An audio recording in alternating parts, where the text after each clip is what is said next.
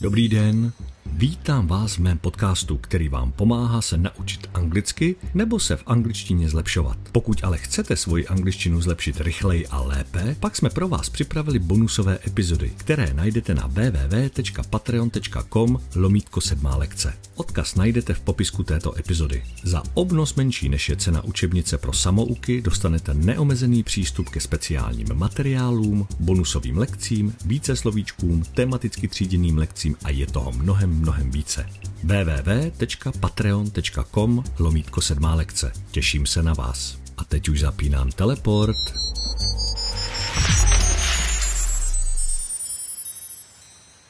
Dobrý den a vítám vás znovu na svém ostrově. V dnešní lekci se podíváme na předložku v místě a to konkrétně předložku on. Tak já zapínám teleport.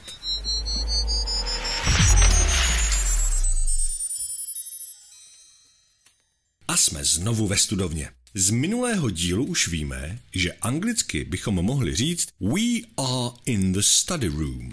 A já otvírám knihu a kdo pak se nám to probouzí? To je Etonin. Ah, počkej, já se protáhnu. Ty listy jsou strašně rovný a pak mě chytají záda. To věřím, dneska jsme se přišli zeptat, jak je to s tou druhou základní předložkou v místě. Jo? A která to je? Je to předložka on. Byl bys tak hodný a vysvětlil nám, kde a jak se tahle předložka používá, když ji chceme použít pro místo? Ale jasně, předložka on je pro pochopení ještě jednodušší než předložka in. Opravdu? No tak do toho, spusť. Dobře, předložka on se používá, když je něco na něčem nebo je v kontaktu s něčím. Jak jako v kontaktu? No, prostě se něčeho dotýká, jako třeba obraz na zdi. Aha, takže můžeme říct a book is on a table. No, prostě se něčeho dotýká, jako třeba obraz na zdi. A picture is on the wall.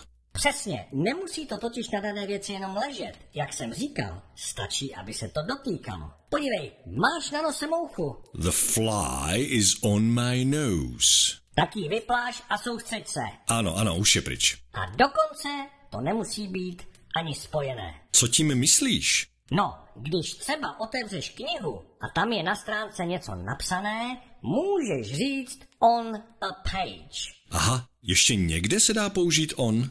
Ano, minule jsem říkal, že předložka in se používá pro místa, která tě obklopují. Ale je tam ještě jedna taková výjimka. Aha, a jaká? No, když jsi na ostrově, tak si on an island. Hmm, takže I am on my island. Ano, přesně tak.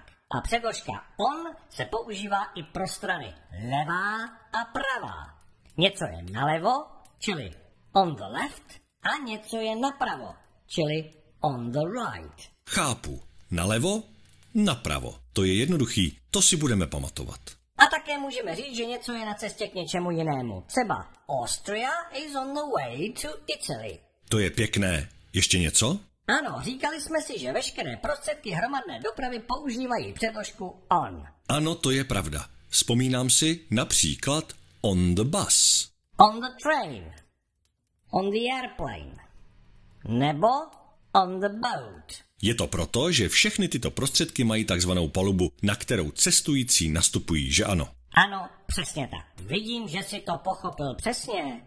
Chceš si to proskoušet? No to je jasný. Můžeš mě z toho vyzkoušet? Nebo respektive můžeš nás z toho vyzkoušet? Ty se zeptáš, já chvilku počkám a aby i moji studenti mohli přijít se správnou odpovědí a pak to řeknu sám. Je to tak v pořádku? Jasný, jdeme na to. Jak řekneme na ostrově?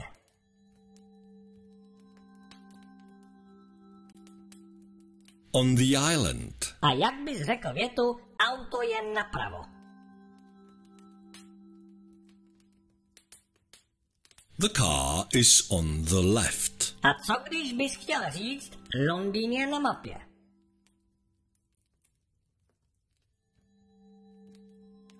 London is on a map. Dobře, budeš číst knihu a obrázek je na straně 10. Co řekneš?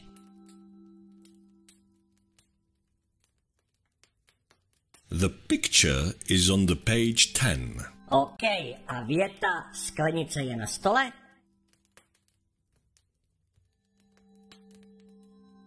The glass is on the table. Výborně. A teď řekni, že moucha je na stropě.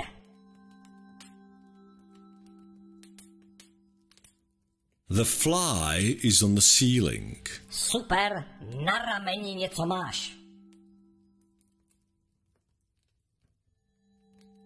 You have something on your shoulder. A když jsi v autobuse,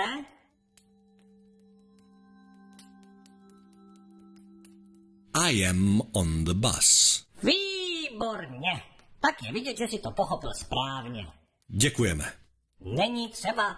Pro mě to byla příjemná změna znovu vylézt z knížky. Ale už jsem nějaký unavený, tak si půjdu znovu zalézt a když nebudete vědět, co s předložkami, pak mě zase probuďte. To určitě uděláme. Ještě jednou díky a dobrou noc. Dobrou! Tak to vidíte, skřítek Atonin nám osvětlil, jak to funguje s předložkou ON. Doufám, že stejně názorný bude i s ostatními předložkami. To je pro tentokrát všechno. Děkuji za pozornost a přízeň a nezapomeňte, pokud se vám moje lekce líbí, zkuste je podpořit na www.patreon.com lomítko sedmá lekce. Budeme rádi za jakoukoliv podporu. Děkujeme. See you later. Bye.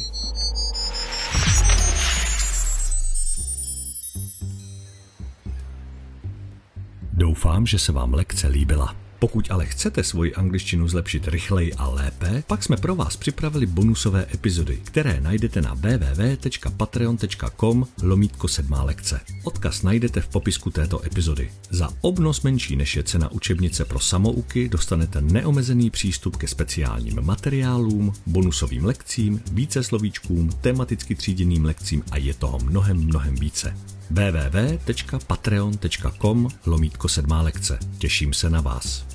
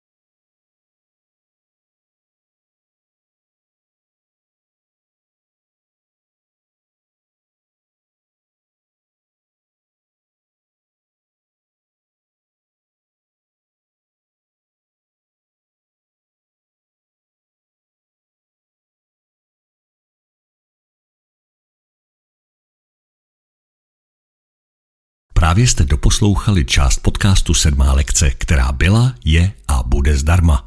Pokud chcete slyšet zbytek epizody, procvičit si svoji angličtinu a získat přístup k bonusovým lekcím, předplaťte si náš podcast na www.patreon.com lomítko sedmá lekce. Tak napřímo podpoříte naši tvorbu a také získáte přístup k dalším výukovým lekcím. Díky, že nás podporujete a těšíme se na vás u další lekce. See you later. Bye.